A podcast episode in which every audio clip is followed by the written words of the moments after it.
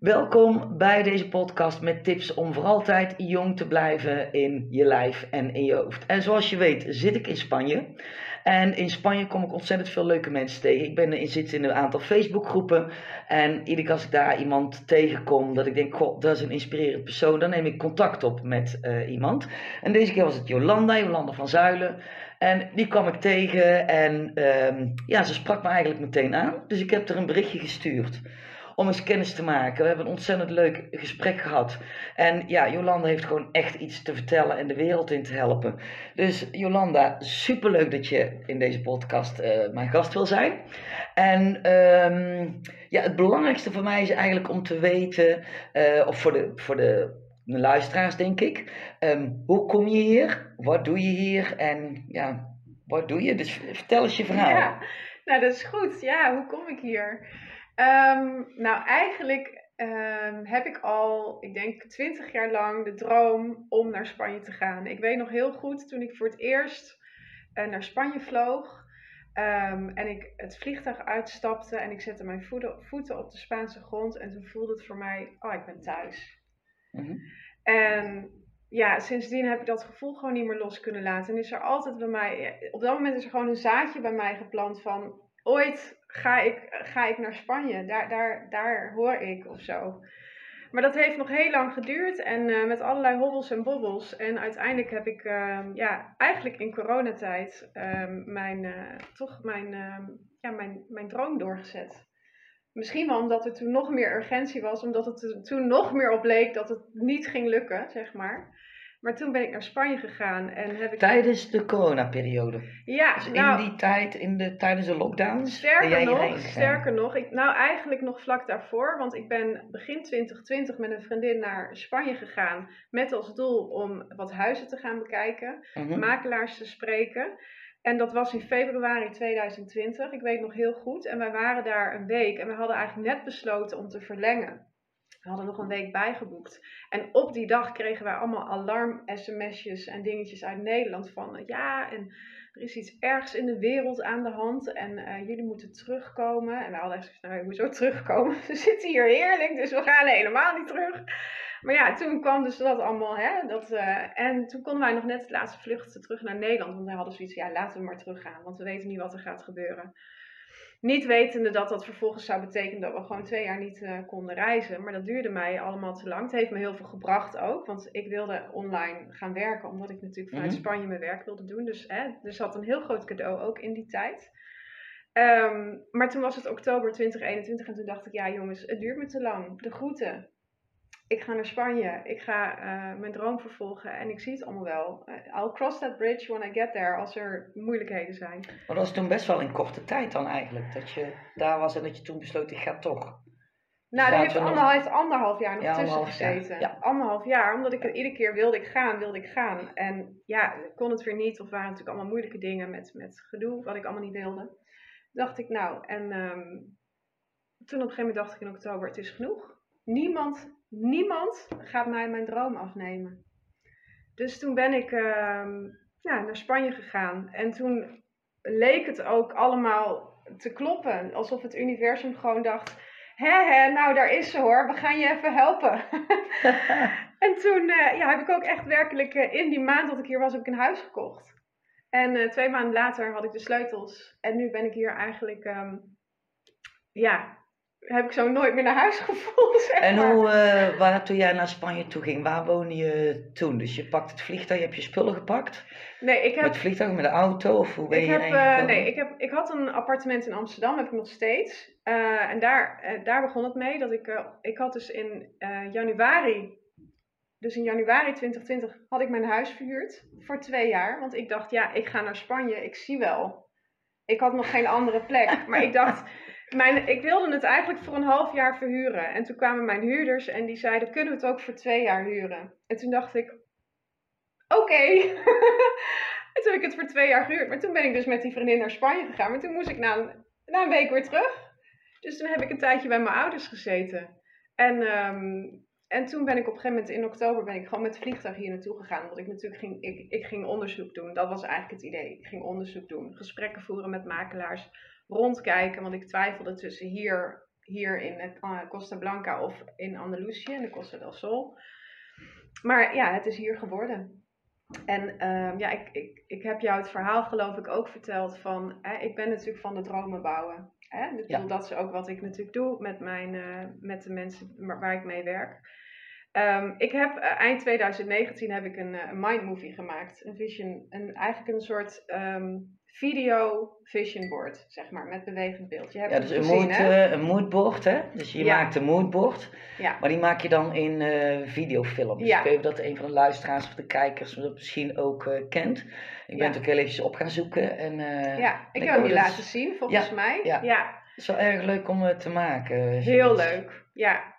En daar zat een plaatje in van Hè, want het idee is dat je daar allemaal plaatjes, in, afbeeldingen zoekt of filmpjes zoekt van dingen die je graag in je leven wilt brengen. En daarbij ook affirmaties van, uh, nou, hè, eh, nou, ik woon op de perfecte plek in, in het perfecte huis. Ik zeg maar even wat. Dus ik had daar een plaatje in gedaan. En um, dat was eind 2018.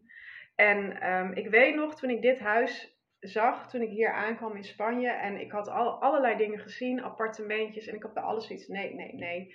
En toen kwam ik bij dit huis. Ik kwam hier op het terras, want we zijn nu in mijn huis. Ik kwam op het terras, ik zag het uitzicht, ik moest gewoon janken. Ik voelde aan alles. Ik zei tegen mijn makelaar: Het maakt niet uit hoe je het regelt, maar regel het. Dit is mijn huis. en toen, een jaar later, zat ik hier lekker op mijn terras en toen dacht ik: Ik ga die Mind Movie nog eens terugkijken. Uh, en toen kwam ik dat plaatje weer tegen, wat ik daar dus eind 2018 in had gedaan. En nou ja, je hebt het gezien. Het was vrijwel één op één hetzelfde lijkt plaatje. Lijkt inderdaad enorm op als het uitzicht wat ik hier heb. En dat was voor mij dat ik dacht, ja, zie je, mijn ziel heeft dat gewoon voor mij bedacht. En daarom was ik ook zo geëmotioneerd toen ik hier aankwam. Omdat ik gewoon wist, dit is mijn plek. Ja. Ik ben thuis. Maar was je al uh, lang bezig met uh, manifesteren? En weet je, wel, je hoort natuurlijk overal nu alles over manifesteren. Ja. Ben jij daar ook lang mee bezig?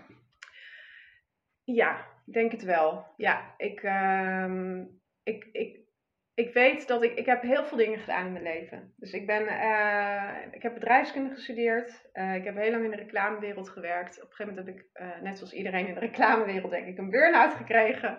En vanaf dat moment, ja, dat was eigenlijk mijn, mijn soort van um, startpunt van mijn persoonlijke spirituele ontwikkelingsreis.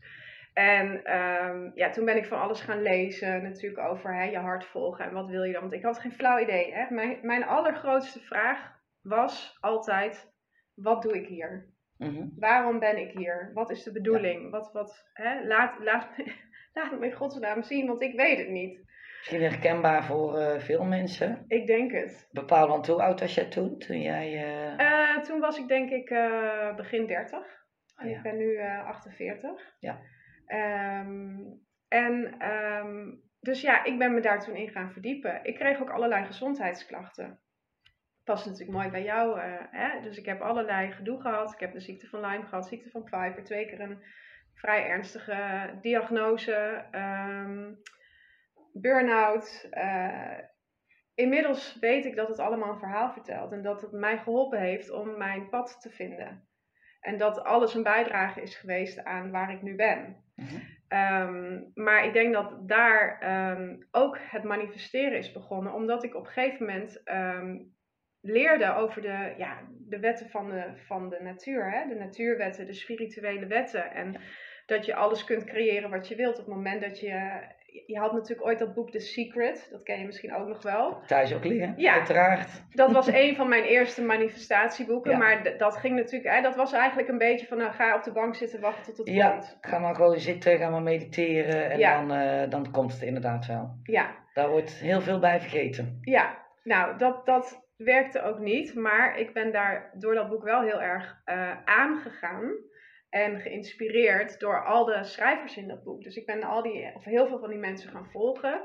Ehm, en daar heb ik gewoon heel veel van geleerd. Maar ik kwam er wel achter van ja, uh, weet je, het begint eigenlijk met een verlangen. Het begint met een helder beeld van wat wil ik graag. Hè? Zodat dat je op kunt focussen op wat je wilt. En um, door al mijn uh, ziektegedoe, al, al, mijn klachten, werd dat natuurlijk een, um, een ding. Want ik wilde natuurlijk graag beter worden, zeg maar. Dus daar ehm, lag mijn allergrootste uitdaging. Ehm, en ehm, ik denk dat ik daar ben gaan oefenen met manifesteren. Van, hè, lukt het mij om, om mezelf beter te manifesteren, mhm. zeg maar. En daarnaast weet ik nog dat ik ook altijd met freelance, ik heb heel lang gefreelanced ook nog uh, als uh, accountmanager in de reclamewereld. En ik weet nog altijd als mijn geld zeg maar op was, en ik had zoiets van, oh, er moet nu echt iets komen. Dan was het van, oké, daarboven, uh, bring it on. En prompt de volgende dag kreeg ik een belletje van, nou, kun je komen? Dus er was ook een soort vertrouwen. En ik denk dat dat ook een basis is um, van manifesteren. Dat je het vertrouwen hebt, ook als het er, hè, er niet op lijkt dat het gaat komen. Maar dat je het vertrouwen kunt hebben van zolang ik uh, in beweging blijf en geïnspireerde actie neem, want dat is volgens mij eh, het verschil met de secret en um, hoe we nu denk ik de meeste mensen naar manifesteren kijken. Dat, hè, dat je vanuit een verlangen of een pijn en een doel of een beeld wat je hebt, dat je iedere dag een klein stapje daar naartoe neemt. Dat je wel zelf ook. Ik zeg altijd, je hebt eigenlijk, je werkt samen met het universum. Het universum doet het stuk wat jij niet kunt doen, maar zelf moet je natuurlijk ook jouw stuk doen. Ja. En samen kom je er dan. En ik ben erachter gekomen dat het op gezondheidsvlak heel lastig is voor mij om te manifesteren, omdat daar ook een heel groot stuk angst zit. Mhm. En op alle andere vlakken van mijn leven gaat het me eigenlijk heel goed af. En ik denk dat dat ook logisch is, want er zijn altijd wel gebieden in je leven waar het meer stroomt of waar het minder stroomt. Dus ehm, ja, zo is een beetje. En uh, ben je dan ook met het manifesteren? Um, je hebt natuurlijk overal cursussen nu manifesteren kun je leren, je hebt bepaalde stappen. Ja ik ben er ook absoluut van overtuigd, en die ervaring heb ik zelf ook, ehm, dat er ook heel veel onbewuste lagen onder zitten. Nog iets wat je als kind nog meeneemt, of wat eigenlijk diepe, bepaalde overtuigingen die je dieper liggend hebt. Ja. Waarvan je denkt van ja, die, heb, die overtuiging heb ik niet, maar die toch onbewust nog wel onderliggende lagen meespelen. Ja, Want je hebt natuurlijk die berg, hè, natuurlijk het bovenste gedeelte, alleen het puntje, de rest natuurlijk allemaal onder, onderaan, uh, uh, die ijsschots waar we onze, weet je, op het water dan, hè, de ijs ja, het water in het bovenste puntje en onderin, dat zie je niet, maar het is er wel. Ja. En daar zitten natuurlijk ook heel veel onbewuste uh, patronen.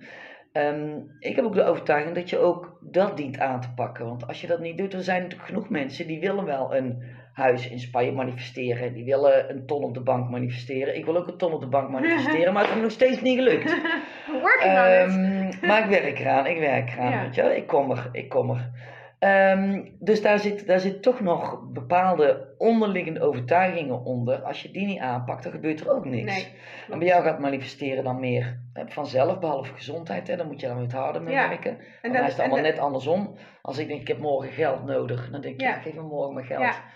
Maar ik denk dat dit ook precies het punt is. Dit is precies wat je zegt, want ik weet dat mijn, ik zeg het altijd, mijn painful moments, zeg maar. Hè? Dus ik werk, jij, wij Jij hebt mij ooit benaderd, volgens mij vanuit de workshop die ik toen had, van klacht naar van kracht. klacht naar kracht. Daar, ben jij, um, daar werd jij door getriggerd. Ja. En in die workshop gaat het heel erg over dat je een moment in je leven, of zelfs nog voor je leven, dus het kan al in de conceptieperiode of in de zwangerschap, um, dat er iets gebeurd is in je leven, een painful moment, een conflictinslag, waardoor je um, in overleving komt. Hè, als, als mhm. baby, als kind, of zelfs dat je dat van je, van je moeder of van je vader meeneemt.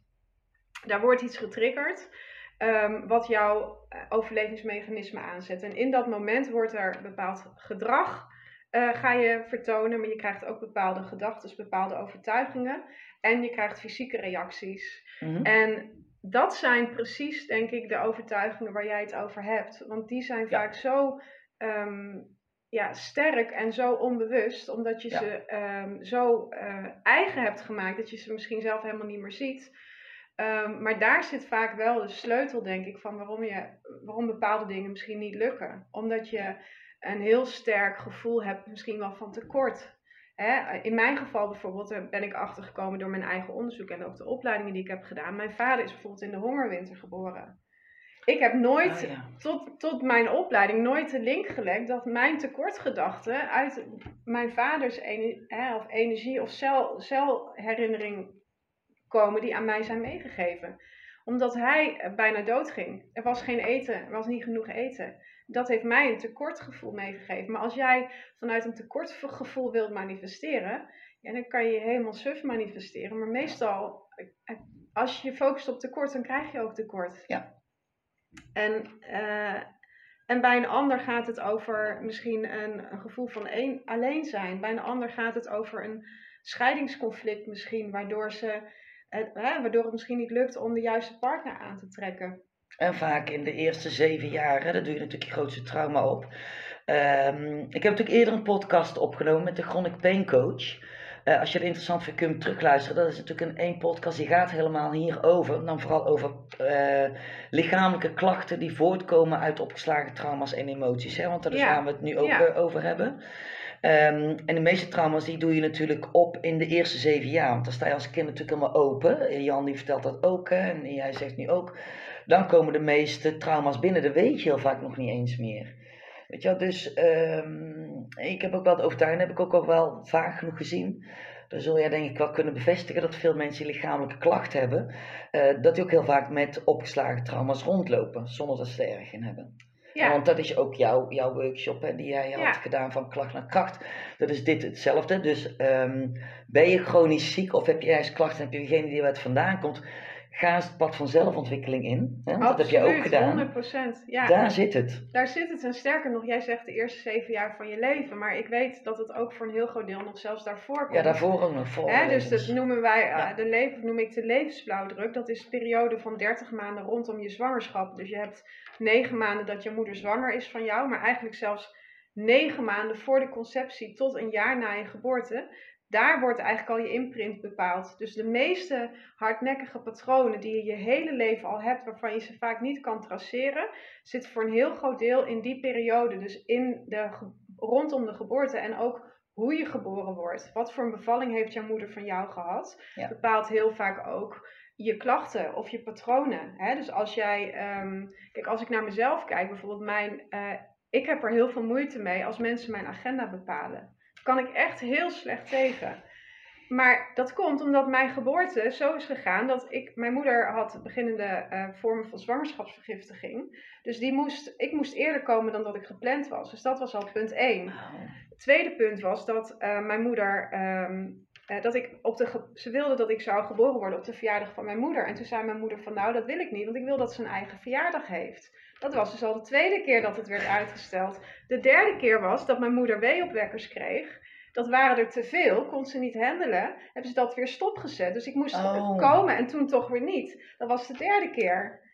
Dus toen ik begreep, hè, toen ik leerde over dat je geboorteproces dus heel veel impact kan hebben over hoe je in het leven staat, toen dacht ik, ja, maar dan snap ik wel waarom ik zoveel ja. moeite heb met als mensen tegen mij zeggen, je moet het dan of dan doen. Ja. Of niet. Ja. Of wel of niet. Weet je wel? En ook bijvoorbeeld, ik ben heel lang een enorme twijfelaar geweest. Dat heeft hier ook mee te maken. Ja, moet ik nou wel geboren worden of niet? Wel of niet? Wel of niet? Snap je? Dus het is inderdaad die zeven jaar, maar ook de periode ervoor. Sterker nog, ook nog de hele familielijn ervoor. Ja. Daar zit, en dus ook weer, je, met wie resoneer je uit de familie, hoeveel geborene ben je. Maar er zitten zoveel verhalen in dat hele voorste stuk, die ja, mee uh, bepalen eigenlijk hoe jouw leven loopt. En, en, uh, en dan gaat het denk ik allemaal over bewustzijn en manifesteren. Of ja, ik noem het ook niet altijd manifesteren. Ik vind het ook, uh, manifesteren vind ik ook heel erg een, een, een, een young woord, om het maar zo te zeggen. Van ik moet er heel hard voor werken en je moet er ook wel iets voor doen. Hè, maar ik hou ook van het woord creëren. Dat is meer de vrouwelijke versie ervan, zal ik maar zeggen. Ja, manifesteren vind ik op dit moment ook echt wel een, een modewoord. Ja, ja. En um, als ik inderdaad, wat jij zegt, oh, nou zeg jij inderdaad wel iets dat manifesteren heel erg uh, is.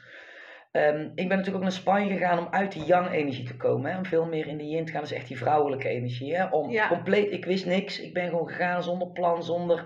En hier leef ik dus ja, niet meer in het... En moet dit, en ik moet dat, en ik ga dit doen, ik ga dat doen. Dus ik zit heel erg in die ik laat het allemaal maar gewoon gebeuren. En er komen dingen op mijn pad waar ik, ja, nou ja, ik, iedere keer ben ik weer verbaasd. Ja, ja. Ik ben verbaasd. Het lijkt alsof ik alleen maar met een beetje zo'n toverstafje rondlopen. Denk, oké, nou dit is wel leuk en dat is wel leuk. Zeg maar, toverstafje komen daar nog op. Ja. Maar dus dat, je zit dan een heel andere energie. Dus in één keer gaat het veel makkelijker. Terwijl in Nederland was het altijd alleen maar bam en beuken en sjouwen en doen. En Heel herkenbaar. Dat is inderdaad wat jij, dat zul je dan inderdaad ook wel hebben, ja. En dat een heel even terug, want ik kan nog heel even terughalen, want er zitten waarschijnlijk wel mensen aan het luisteren zijn die burn-out hebben, lichamelijke klachten. Um, hoe kom je erachter dat je, wat er allemaal rondom je geboorte is gebeurd en uit die vorige lijnen? Want alleen kom je daar nooit niet achter. Als je tegen bepaalde dingen in je leven aanloopt. Je hebt hernia. Um, je hebt uh, auto-immuunziekte. Je hebt, nou, wat voor raar, noem, noem alles maar op. Alle chronische klachten die op dit moment zijn. Hoe kom je erachter?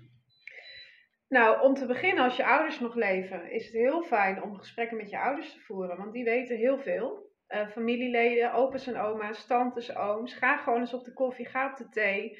Weet je, je hoeft niet te vertellen van uh, ik wil mijn patronen ontdekken, maar van uh, goh, tante, tante Pietje, vertel eens. Hoe was het eigenlijk bij jullie thuis? Mhm. En als je ouders nog leven, ja, ik heb op een gegeven moment een heel gesprek gehad met mijn moeder over de geboorte en hoe was het voor haar. Want wat ook vaak zo is op me, hoe, je, hoe, de, hoe je moeder zich voelde tijdens de zwangerschap, dat zegt ook vaak heel veel over hoe jij je voelt in je leven of hoe je moeder zich voelde toen jij geboren werd, zegt heel vaak ook iets over hoe jij je voelt. Eh, ja, je gaat door verschillende fases in je leven heen. Maar hoe kom je daarachter? Ja, kijk, familiestamboom, daar kan je natuurlijk tegenwoordig op My, My Heritage of zo, weet ik veel, daar kan je heel veel dingen achterhalen. Maar daar staat natuurlijk niet bij of je opa aan darmkanker is overleden en je oma aan het hart of wat dan ook. Dus dat, ja, ga in gesprek, ga familieleden interviewen tussen aanhalingstekens. Mensen vinden het vaak ook heel leuk hè, ja. om uh, verhalen op te halen. Zeker ja. Uh, ja. op onze leeftijd denk ik als we nog ooms en tantes leven. Uh, tenzij het natuurlijk gevoelige onderwerpen zijn, oorlog of zo. Dat, ik merk dat dat vaak onderwerpen zijn die, hè, daar wordt niet over mm -hmm. gesproken. maar ja, heel veel informatie. Gewoon ga in gesprek met familieleden. En, en je voelt aan je lijf wel of er iets gezegd wordt wat belangrijk voor je is om te weten. Dus blijf ook in die gesprekken de hele tijd goed voelen van wat doet het met me deze informatie. Hè? En blijf goed doorademen, want je voelt ongetwijfeld aan je lichaam van oh dit is relevant voor mij. Hè? Je voelt een soort, ja, een soort aha-moment of je voelt misschien opeens een soort versnelling in je hart of een paniekgevoel. Of dat je weet van oh wacht, hier, hier mag ik iets mee. Hier zit een, hier zit een, uh, een haakje. En kun je het alleen oplossen of heb je altijd wel een coach of een begeleider daarbij nodig? Um, of een healer? Nou, dat is een mooie vraag. Ik had er vanochtend een gesprek nog over met een cliënt. En die zei, uh, die zei tegen mij van, nou weet je, wat het is, heel vaak weet je het. Weet je bewust, hè, op onze leeftijd ook denk en zeker als je wat persoonlijk en innerlijk werk hebt gedaan, weet je heel vaak wel ongeveer wat je patronen zijn. Hè, je weet van, oh, dan zit ik daar weer in, doe ik het weer zo, gebeurt het weer. Uh, en je weet ook ongeveer wel waar het vandaan komt. Daar hebben wij natuurlijk zondag ook wel een beetje over gesproken. Ja je weet ongeveer wel waar het vandaan komt. Maar op een of andere manier lukt het je gewoon niet om dat te, te doorbreken. En, op dat, en voor dat soort dingen is, is het denk ik heel nuttig als je iemand kunt helpen die je in dat proces kan begeleiden. Weet je? Die kan het niet voor je oplossen, die heeft het antwoord voor jou niet, want alle antwoorden zitten in jou, die zitten opgeslagen in jouw lichaam. Maar die kan jou wel helpen om je lichaam in te gaan, zeg maar. Hè? Om, je lichaam, om in je lichaam aanwezig te zijn. En om, um, ik werk heel erg met uh, het lichaam als een soort encyclopedie. Want alles zit opgeslagen in je lichaam. Alle emoties, alle trauma, het zit allemaal opgeslagen in je lichaam. Uh -huh. Dus het kan soms heel erg helpen om met iemand samen um, uh, de vragen te gaan onderzoeken via het lichaam. Uh, en wat ik ja. merk, ik doe het ook namelijk, ik, ik zou het wel alleen kunnen, maar bij heel veel dingen vraag ik ook mijn collega's van help me hier even doorheen. Want het is of te pijnlijk, of uh, je wil er eigenlijk niet, ja, om die reden ja, niet naartoe. Hè? Soms het als het te pijnlijk je is, dan niet.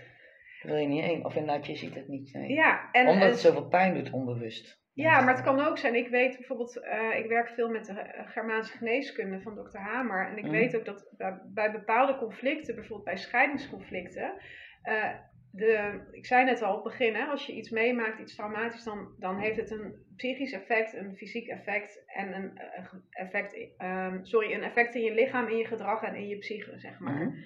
Maar bij een scheidingsconflict kan het heel vaak zo zijn dat je dingen niet meer weet. Dus dan kan je het ook niet alleen doen. Weet je, dan, dan, dan heb je hulp nodig om dingen via je lichaam weer te triggeren.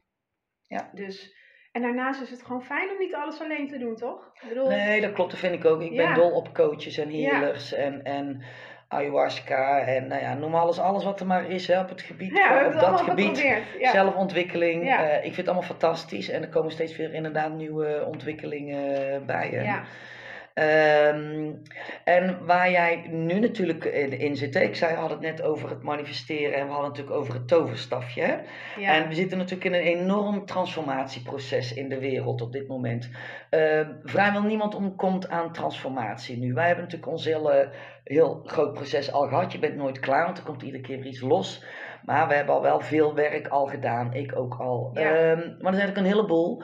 Uh, het grote, het collectief, zeg maar, is nu, is nu aan het komen. Aan het wakker dus worden. alles is aan het, ja, inderdaad bewust aan het worden, aan het zogeheten wakker worden.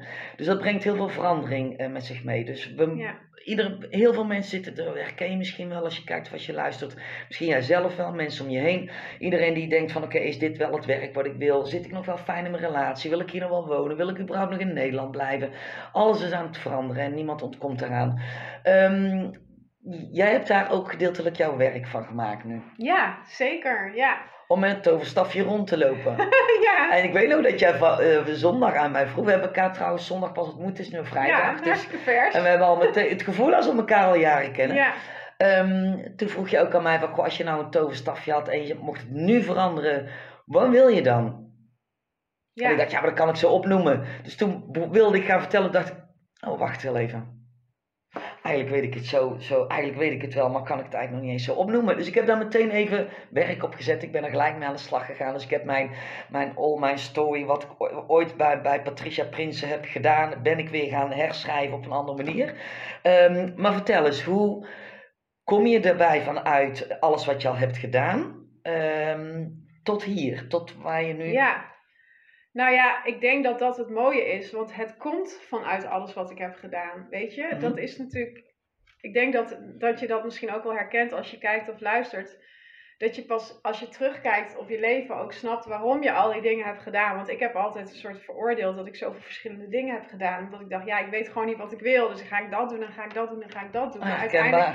Ja, maar uiteindelijk. weet dat van mij ook, denk ik. Uiteindelijk is het allemaal een bijdrage geweest aan wat ik nu doe. Omdat ik gewoon nu een heel groot soort van gereedschapskistje heb. Waar ik eh, precies op het goede moment, ja, de ene keer het toverstakje, stapje, de mhm. andere keer de, de tijdmachine, weet ik veel wat allemaal uit kan halen.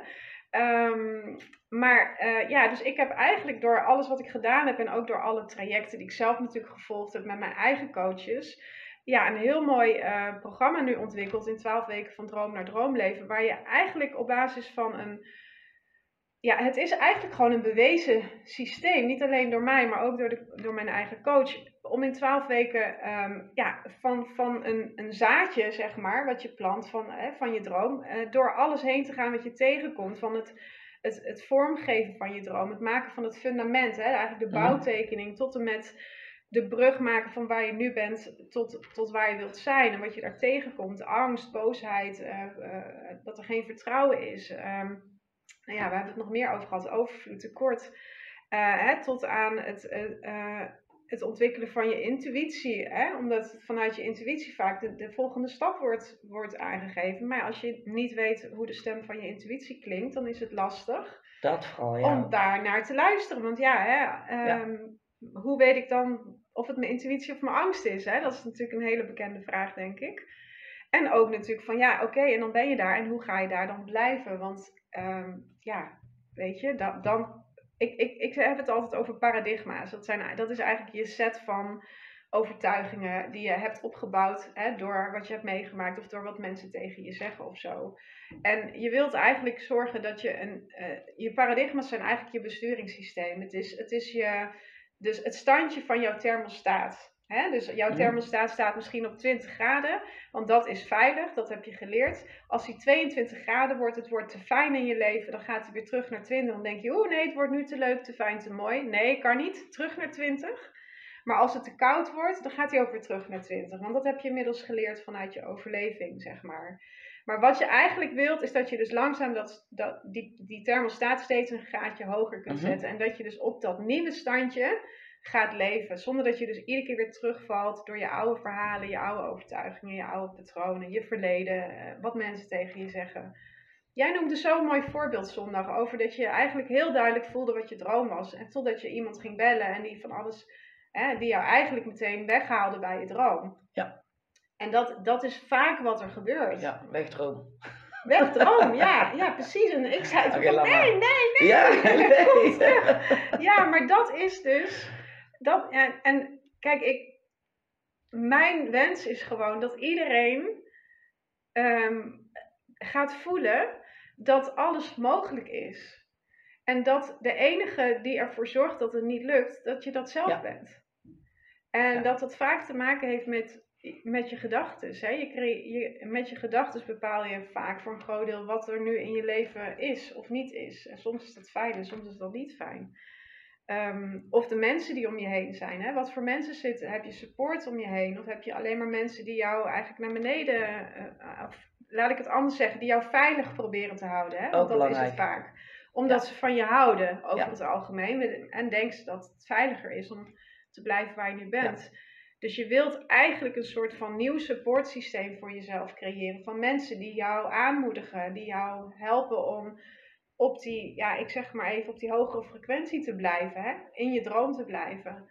Dus je wilt een supportsysteem, maar je wilt ook ehm, gewoon een soort concrete tools eigenlijk om die stappen te zetten. Hè, waarom, ja. waarom blij, ja, ik denk dat we allemaal dromen hebben, maar waarom is die droom er nog niet? En, uh, want jouw doelgroep is, uh, dat zijn vrouwen van ongeveer on, onze leeftijd. Ja. Ja, vertel het zelf maar eventjes. Ja, nou ja, eigenlijk vrouwen zeg maar, die, uh, die best wel een prima leven hebben, die ook ooit al een keer de stap hebben gemaakt, hè, die misschien net als ik ooit uit de reclamewereld zijn gekomen en hebben gedacht van nou nee, dit is het niet, ik ga mijn hart volgen, ik ga wat anders doen. Dus daar hebben ze al best wel een mooie stap in gemaakt, ontwikkeling gedaan, al heel veel dingen gedaan. Uh, maar op een manier, en ook gewoon succesvol zijn in hun leven, zakelijk gezien of wat dan ook. Maar ergens gewoon nog voelen van ja, maar er is meer ik voel, er is meer en ik weet niet wat het is. En ik kom er niet, het lukt me niet. Ik heb alles al geprobeerd. Ik ben bij Tony Robbins geweest, Joe Dispenza geweest, iedereen. Maar het lukt me niet om daar, om, om daar te komen. Dat is eigenlijk mijn dus- doelgroep. En die denken nu van, oh my god, en nu ben ik bijna 50. en als ik het nu niet doe, dan gebeurt het nooit meer. Maar is het dan zo dat ze al wel een droom hebben? Of is het zo, want wat jij allemaal opnoemt, Joe Dispenza en Tony, ja, Tony Robbins, ben je bekend, hè? daar gaan tegenwoordig steeds meer mensen naartoe. Ja. Want Joe Dispenza nog wat minder, hè? Dan, die vind ik al wel een stapje dieper. Ja, dat is, maar dan heb je eigenlijk, als je die al volgt, dan heb je al best wel een pad gehad van zelfontwikkeling. Is het niet zo um, dat het eigenlijk eerder de mensen daarvoor nog zijn, die dan denken, die die, die nou. verandering voelen, wat ik net zei, die transformatie voelen. En die denken van, ja, weet je, het zit niet helemaal lekker, het is een beetje aan het wringen. Ik heb eigenlijk helemaal niet zo naar mijn zin. Ik sta in die, baal van de dag. Ik ben moe van mijn werk. Ja. Maar ja, wat dan? Nou, het zijn, kijk, tuurlijk, het zijn ook die mensen. Alleen, ehm, wat voor mij belangrijk is, laat ik het zo zeggen, zijn het mens, dat het mensen zijn die wel weten van, ik kan dit zelf veranderen. Hè, dus, dus, dus, ah, dus niet het gevoel van, ja, ik, ik heb het niet naar mijn zin en ja, dus ik, ik ben echt, ik ga helemaal aan op vrouwen of mannen, maar in mijn geval werk ik vooral met vrouwen, die net als jij voelen van, er is meer, ik ben meer voor, in de, voor meer in de wieg gelegd dan dit. Ik weet dat het voor, voor me mogelijk is ergens. Ik voel diep van binnen dat er meer mogelijk is. Maar het lukt me maar niet. Ja. Het lukt me maar niet. En weet je wel, misschien ken je het gevoel. Ik ben ook bij de grote der aarde geweest. En dan ben ik na zo'n event helemaal hallelujah, praise the Lord. En yes, I can do it. En oh yeah, hell yeah, let's go baby.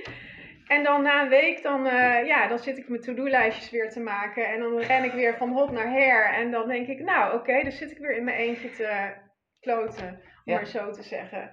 Dat zijn mijn meisjes. Ja. Ja, dus die al wel een bepaald bewustzijn hebben, die ook inzien van, uh, die geen slachtofferrol innemen. Dat vind ik heel belangrijk, want ik geloof echt 100% in eigen verantwoordelijkheid nemen over je leven. Ik ook. Ik, ik werk zelf ook het liefste met uh, mannen, dat, dat is in principe mijn doelgroep, maar er komen nou ook weer gewoon vrouwen bij. Ja. Maar ik werk wel het liefste met, met mannen en vrouwen die inderdaad ja, inderdaad wel wat ouder zijn, maar niet in de slachtofferrol zitten. Nee. Dus die inderdaad kijken van, oké, weet je, alles wat ik nou heb gecreëerd, het is echt serieus mijn eigen schuld, dus ik kan het zelf ook veranderen. Ja. Dat zul je dan ook hebben. Ja, en, en, ik zie het ook echt zo van, hè, dat, dat alles wat er in je leven eh, gebeurt, hè, ik, ik heb het ook altijd over acteurs. Iedereen in je leven waar jij iets van vindt of die iets met je doet, die zijn ook niet voor niks in jouw leven. Die heb je er zelf ingehaald om een les te leren of om van te groeien, zeg maar. Het is ook niet voor niks dat het op sommige vlakken nog niet lukt om verder te komen dan waar je nu zit. Omdat je daar dus nog iets in uh, mag ja. onderzoeken, om maar zo te zeggen. Dus, um, en um, ja, en ik, ik denk dat kijk, een deel van de mensen met wie ik werk, die weten al hun droom. Hè? Die weten net als ik bijvoorbeeld van, nou, ik wil een huis in Spanje of wat dan ook. Maar er zijn ook mensen die voelen alleen maar van, ja, ik voel dat dit niet mijn leven is. Maar wat het dan wel is, ik weet het niet. Help me daarbij. Hè? Dus dan... En jij gaat met ze onderzoeken van, ja. god, wat wilde je nou? Waar droom je van? altijd wel wat droom je van. En als alles inderdaad mogelijk is. What would you love? Ja. ja, dat is natuurlijk inderdaad, dat vraag ik aan mijn klanten ook heel vaak, ook tijdens trainingen. Ja. Um, had ik er ook altijd, weet je, die dan niet lekker in de vel zitten. En um, die dan toch voor personal training kwamen, ook voor, voor de aandacht en om lekker te kunnen trainen onder begeleiding. Vroeg ik ook heel vaak. Want weet je, een paar jaar geleden, toen tijdens corona, is die transformatie bij veel mensen al een beetje begonnen. Ja, zeker. Ja. En dat is natuurlijk inderdaad wel een, uh, een hele mooie ingang. Weten veel mensen dan daar ook echt wel een antwoord op? Uh, nee, maar ik denk dat ze het antwoord wel kunnen weten, omdat eigenlijk alles waar je een verlangen of een pijn op voelt, daar zit het zaadje voor je droom.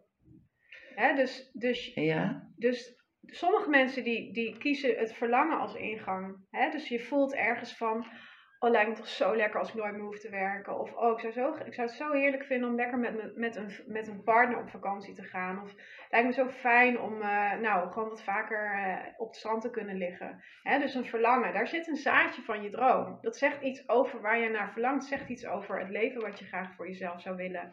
Dat, sommige mensen kijken, hè, kunnen het van die ingang voelen. Andere mensen die kunnen het vanuit de ingang van pijn voelen. Van, hè, die bijvoorbeeld letterlijk altijd misschien en niet, niet makkelijk kunnen bewegen omdat ze niet lekker, omdat ze te dik zijn of wat dan ook. En die voelen misschien van, oh, ik, zou, ik wil hier vanaf. Weet je, ik ben er klaar mee dat ik altijd maar uh, stram uit mijn bed kom of wat dan ook. Het tegenovergestelde daarvan is je droom, meestal. Dus daar zit het zaadje ook, hè? Van wat wil ik niet? Oh waar wil ik meer van of waar wil ik minder van in mijn leven? Ja. En, en en ik denk wat een hele belangrijke is, um, ik krijg natuurlijk ook inderdaad wel vaak te horen van ik weet het niet. Maar daarmee zet je het ook vast. Daar heb ik volgens mij met jou ook over gehad, denk ik. He, van ik weet mijn droom niet. Je weet altijd iets wel. Je weet altijd een stukje, al is het maar uh, dat je denkt, ik zou, ik zou eigenlijk gewoon wel 500 euro per maand meer willen verdienen. Of ik zou eigenlijk wel gewoon willen dat ik drie kilo lichter zou zijn. Je weet altijd een dingetje wel. Dus begin daarmee, want daarmee um, breng je zeg maar de energie in beweging van dat, dat je nog meer gaat voelen en dat je nog meer helderheid gaat creëren. Omdat je op gaat richten op wat je wel weet in plaats van op wat je niet weet. Nou, dat vind ik wel inderdaad hele mooie van jou. Want uh, mijn ervaring is dat veel mensen zeggen van ja, dat weet ik echt niet. Zeg ik van ja, je weet het wel, alleen je beperkende overtuiging en je angst, die houden het tegen. Want je denkt, ja, dat kan toch niet. Weet je, als ik denk, uh, ik heb ook een mooie droom. Je ziet hier van die echt zulke mooie huizen. Ja. weet je, die witte, van die witte lage bungalows hele grote ramen. Ja, ik vind ze helemaal fantastisch. Ja. Um, als ik dan daarover na zou denken en ik zou mezelf beperken, denk ik, ja, dat is voor mij niet weggelegd. Nee, dus dat, en, en dat, dat, dat zwak je dan dus al meteen weer af, zeg maar. Want dat daarmee, dat, dat blokkeer je daarmee al meteen je droom. Maar dat is dus ook waardoor dat mensen die hebben dan wel een droom en die zeggen van, ah nee, ik weet niks. Ja. Waarom? Dat die dromen zo groot zijn, dan denk je, ja, weet je, het wordt al eigenlijk al meteen afgeschermd. Ja, eh, dat het wordt eigenlijk al meteen geblokkeerd, want omdat het logische brein, die kijkt gewoon naar de situatie die er is. Ik kijk nou om me heen, nou, ja. en ik kijk naar mijn bankrekening en ik denk, nou, ja. Uh, ik kan mijn boodschappen doen deze maand, dus uh, weet je niet, dat zit er niet in, als het ware. Hè? En dat mensen vaak meteen in het hoe gaan zitten. Ja. Dus het hoe, als je net begint met dromen, zeg ik maar even, laat het hoe dan alsjeblieft los. Want de, het hoe is de grootste dromenstopper die er maar is.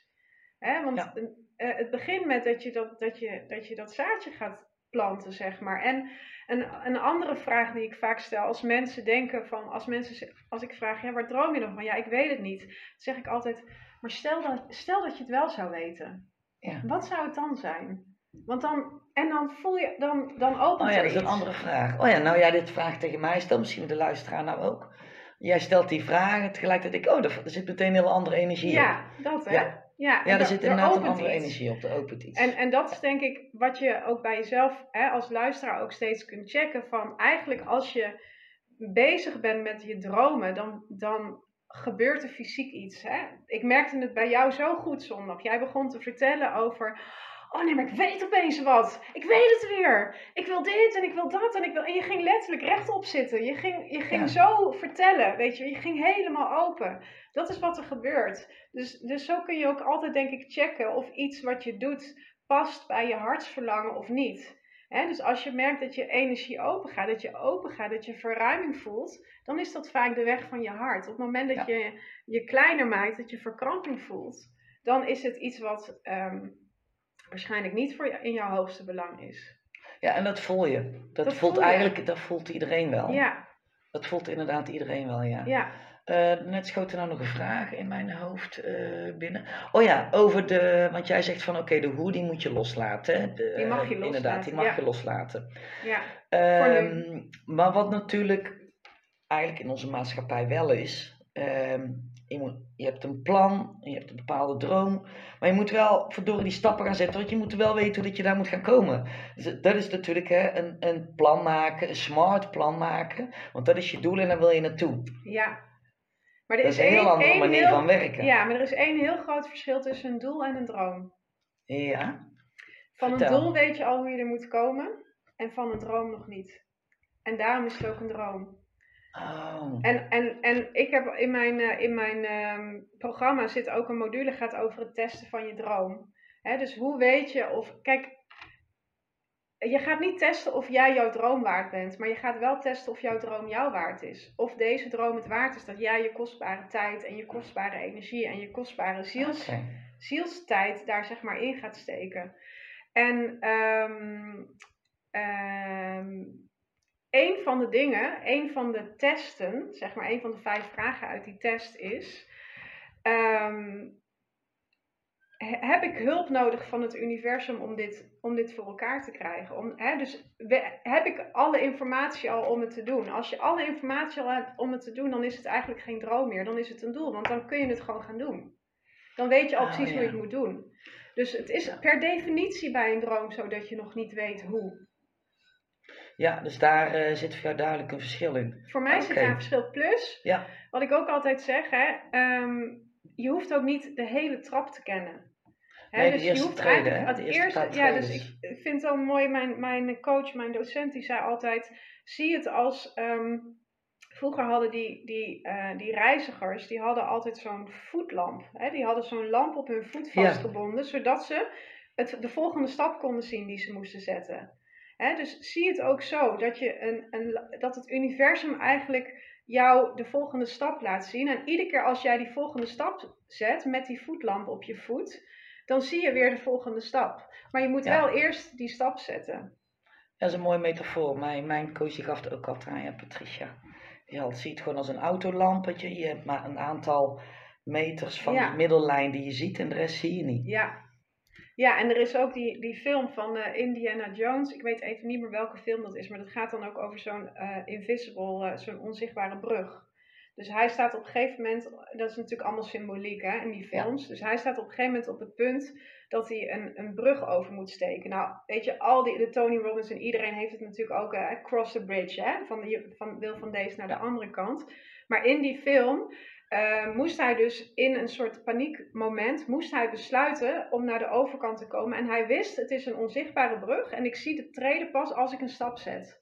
Dus hij wist van, ik moet eerst stappen en dan, komt, dan laat de brug zich pas zien. Dus dan wordt er ongelooflijk veel vertrouwen van je gevraagd. Dus, maar hij had, er was geloof ik van achter van alles aan de hand. Als hij niet zou gaan, dan zou hij, hè, dan zou hij zijn leven verliezen. Dus hij moest wel. Dus hij vertrouwde erop dat hij een stap zou zetten en dat die brug zou komen. Maar hij moest dat iedere keer weer op, bij de volgende stap weer opnieuw doen. En er was een hele grote kloof beneden. Dus hij moest vol vertrouwen zijn stap zetten, zonder dat hij kon zien waar hij eigenlijk in ging stappen. En dat is precies waar het over gaat bij dromen bouwen.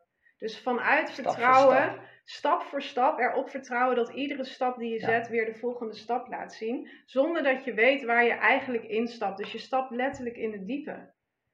En hoe begeleid jij mensen? En er zit natuurlijk heel veel angst uh, om, omheen hè? Om, om zoiets te doen. Ja. Um, want je gaat iets doen waarvan je, ja, je weet eigenlijk gewoon helemaal niks. niks. wij zijn natuurlijk van de zekerheid, tenminste ik als ja.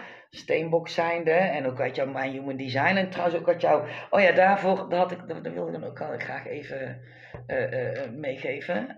Um, op de website van, mag je daar, die zal ik in de show notes ook even oh, dat zeggen. Is goed. Ja. kwam ik bij haar dus ook inderdaad op de Chinese astrologie. En zoals je weet werk ik graag met human design. Nou, dat is een beetje gelinkt met elkaar. En er stond bij mij inderdaad ook uh, veiligheid, stabiliteit. Nou goed, wat ik hier natuurlijk niet heb gedaan door naar Spanje te vertrekken, is stabiliteit en veiligheid. Nee, omdat maar, je een andere richting wilde opgaan. Ja, maar dan uh, is het dus voor veel mensen is het niet weten. Daar heb ik ook best wel lang over gedaan. Ja, maar gewoon gaan en het niet weten. Want wij willen het eigenlijk allemaal van tevoren allemaal wel weten als het ja. even kan. Ja. Maar dan neem jij de dames ook mee aan de hand. Dan neem je jouw cliënten mee in de hand om vanuit daar Zeker. het leren te vertrouwen. Zeker, ja, daar gaat een hele module over, natuurlijk over angst. Hè? En dat je angst eigenlijk niet wilt zien als uh, angst en falen trouwens. Want falen is natuurlijk ook een grote waarom heel veel mensen Ja. dit doen, hè? faalangst. Hè? Omdat ze ehm, ja, falen vaak zien als een eh, struikelblok. Maar eigenlijk is het een springplank. Hè? Dus naar je droom toe. En angst is eigenlijk niks meer dan de rand van je comfortzone. Hè? Want alles binnen je comfortzone, dat voelt veilig. Maar de magic happens outside. Je dromen liggen buiten je comfortzone. En eigenlijk is angst niks meer dan de grens. Dus als je angst voelt, tof. Weet dan dat je goed bezig bent. Want je bent je comfortzone uit aan het Oké, je hoort het hè? Tof! Als je Ja, angst voelt, dan ben je goed bezig. ja.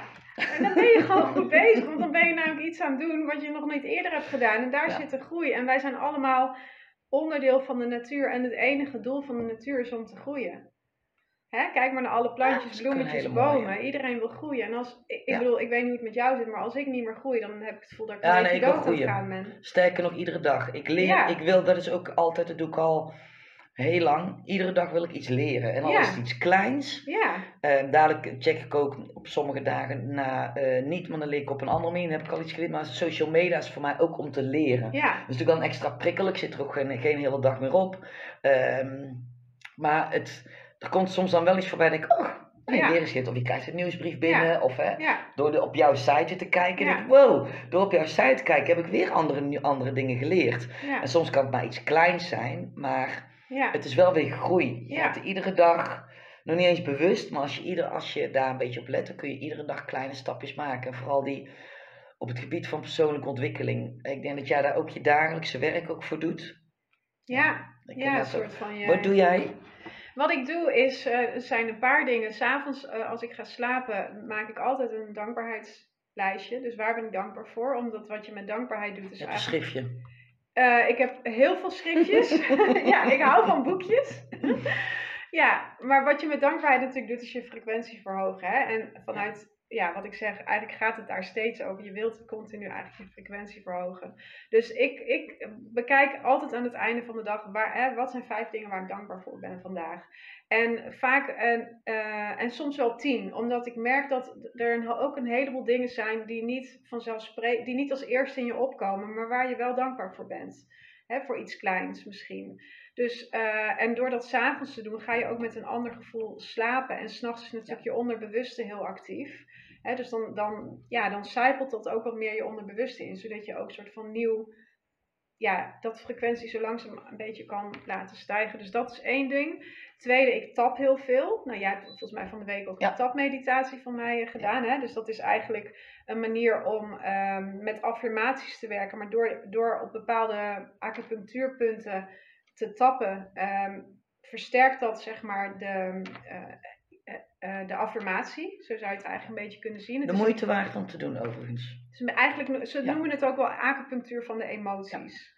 Dus dat doe ik heel veel. Nou, ver- verbinden, versmelten, loslaten, VVL, dat is mijn techniek die ik heel veel gebruik ook bij mijn klanten. Maar dat is wat ik net eigenlijk zei. Dus kom je iets tegen, word je geraakt door iets. Uh, wat doet het met me en waar voel ik het in mijn lichaam? En adem er maar naartoe. Dus hè, om ook echt in het moment te kijken of je de emoties, de, de, de, de, fysieke pijnen, maar ook de emoties kunt processen in mhm. het moment. Um, ja, ik ga graag de natuur in, omdat ik ook voel dat ik daar veel meer kan landen, zeg maar. En veel meer contact kan maken met mijn dromen, met mijn wensen, met mijn verlangens of op het strand. Dus ik uh, lekker op, op, de, op, de, op het zand echt lig, zeg maar. Dus, um, en het wisselt bij mij een beetje eigenlijk. Ik, ik, heb ook, ik heb wel altijd een vast aantal dingen, maar het kan ook zijn dat ik na een tijdje, dan doe ik weer wat anders. Want ik ben ook iemand, ik ben heel nieuwsgierig. Dus als ik weer over iets nieuws hoor, dan ga ik dat ook weer uitproberen. Maar ja, ook puur doordat ik iedere dag met deze materie bezig ben, hè, waar ik met mijn eh, coaches ook mee werk. Dat werkt natuurlijk voor mij ook. Ik ga ook iedere dag, uh, of iedere keer dat ik weer drie maanden met een groep uh, coaches werk, ga ik zelf ook weer door al die stappen heen. Dus het is voor mij ook een ongelooflijk groot cadeau eigenlijk om mijn eigen programma iedere keer weer opnieuw te doen. Ja, want zo gaan er bij jou natuurlijk ook weer laag af. Zeker. Even, wat, waar, uh, waar kunnen mensen, de, de luisteraars in die jou nou horen, die denken, oké, wacht even, wat Samuel vertelt vind ik wel heel erg te gek. Waarvoor kunnen mensen bij jou terecht? In ieder geval het programma van de dromen, hè? Ja, het uh, droomprogramma. Er start uh, half mei weer een nieuwe, nieuwe ronde. Met een klein groepje. Klanten, daar kunnen mensen zich voor inschrijven. Kunnen mensen zich voor inschrijven, ja. Maar ik kan me voorstellen dat je eerst denkt van, nou leuk, maar ik wil wel eerst even jou een beetje beter leren kennen. Dus, no like uh, Ja, precies. dus um, als je naar mijn homepage gaat, uh, joyforlife.com, die zet jij ook ja, onder, onder. Dan nou, kun je sowieso wat lezen over hè, uh, wat, ik, wat ik doe. Um, en dan zie je ook dat ik op 1 mei een gratis masterclass geef van Droom naar Droomleven, waarin ik eigenlijk een beetje meer vertel over wat ik vandaag ook heb verteld. Daar kun je een gratis clarity call met me boeken om alvast samen te kijken van hé, hey, wat, waar droom ik eigenlijk van en wat, oh. hè, wat, waardoor is dat er nu nog niet? Um, ik heb een community op Facebook, een Joy, de Joy Community, uh, waar je gratis lid van kan worden om uh, nou ja, geïnspireerd te raken op uh, allerlei mogelijke manieren om nou, te ontdekken wie je bent en wat je hier te doen hebt en hoe je dat kunt manifesteren in je leven. Dus dat eigenlijk. Dus ik denk heel veel manieren. Ja. ja. Leuk. Ja. Ja, wel veel. Um, jij brengt natuurlijk alles wat je allemaal al geleerd hebt. Hè? Ja. En, en jouw hele eigen proces breng jij nou gewoon allemaal samen eigenlijk in, in, één, pro, in één programma eigenlijk. Ja, en eigenlijk is mijn, mijn droomprogramma is mijn, mijn, ja, hoe noemen ze dat? hè, de, mijn belangrijkste programma. Ehm, maar ik doe daarnaast ook nog gewoon losse dingetjes. En tarot, levensblauwdruk reading, astrologie reading, van klacht naar kracht. Hè. Dus mensen kunnen ook bij mij komen om samen te puzzelen op die levensblauwdruk. Op hoe zit, waar komt mijn klacht vandaan? Um, maar dat zijn meer de losse coachings. En mijn programma is echt hetgene waar ja, mijn, mijn hoofdfocus op ligt. En eigenlijk ook waar mensen vaak in doorstromen. Dus dan komen ze voor een, een één op één bij mij en dan stromen ze door naar het programma. Omdat ze gewoon lekker drie maanden samen op reis willen gaan. Ja. Hè? Want ja, in 90 dagen kan je natuurlijk veel meer dan in, in, in een paar losse sessies. Ja, ja dat is zeker. Dan ga je natuurlijk veel dieper. En je werkt in groepen, hè? Dus uh, beide. iedere keer. Beide. Ja, dus het ah, programma is eigenlijk hetzelfde. Dus er is een programma van 12 weken. En eh, dat kun je of in een groep doen. Uh, in een kleine groep moet ik daarbij zeggen, is meestal 6 tot 8. Of je kunt het één op één doen. En het verschil is, je krijgt in allebei de gevallen precies dezelfde stappen, dezelfde content, dezelfde modules. Alleen heb je dan niet een groepsessie, maar heb je één op één sessies met mij nog daarnaast, naast de stappen. Dus. En als ik bij jou in het programma stap, wat heb ik na drie maanden? Dan weet je glashelder wat je droom is. Dan weet je waar je tegenaan loopt, waarom het er nu nog niet is. Dus je hebt uh, tools gekregen om met je angst om te gaan. Je hebt onderzocht waar er nog misschien tekort en overvloed uh, issues zitten. Uh, of je nog mensen te vergeven hebt waardoor je niet verder komt. Daar heb je op gewerkt. Um, je hebt eigenlijk gewoon twaalf stappen gekregen van mij. Die je iedere keer weer opnieuw kunt doen daarna. Ook uh, Als je uit het programma stapt, hè, want we, je werkt meestal aan één of twee gebieden in je leven, die je daarna ook weer op de andere gebieden kunt doen. Dus je weet gewoon, zo kan ik mijn droomleven dichterbij brengen. En ik geef je de tools, ik geef je de begeleiding, ik geef je het supportsysteem, maar je moet zelf stapjes zetten. Ja. En daar moedig ik je met heel veel liefde en af en toe een liefdevolle schop onder de kont in aan. Ja, klinkt goed. Ja. Ik ben heel even te kijken, we zijn nu aan 54 minuten aan het kletsen. Wij kunnen nog natuurlijk veel langer uh, kletsen. Ja, ja. Dit zijn natuurlijk hele mooie, diepe onderwerpen. Wat bij veel mensen denk ik ook uh, speelt. Maar mijn podcast wil ik altijd binnen een uurtje houden. Dus um, heel mooi. we gaan hem inderdaad uh, afsluiten. Um, ik vond het weer een hele inspirerende podcast en een inspirerend gesprek ook weer. Want ik heb nu andere dingen gehoord dan ja, toch ook wel, weer. Ja, ja, toch wel weer. Toch ja, wel leuk. Weer. Dat is toch inderdaad wel weer leuk. En um, ik ga in ieder geval jouw website eronder zetten. En uh, ja, op social media in ieder geval kan ook aangeven wanneer je een groepje start en ja. je gratis workshop. Dankjewel voor de uitnodiging. Ja, enorm bedankt voor het uh, leuke gesprek. Ja. En uh, ja, voor de luisteraar, ik hoop dat je het ook uh, een inspirerende podcast vond. Je mag het uh, mij of Jolanda laten weten op onze social media. En nou, dan hoor of zie je mij de volgende keer weer. Bye.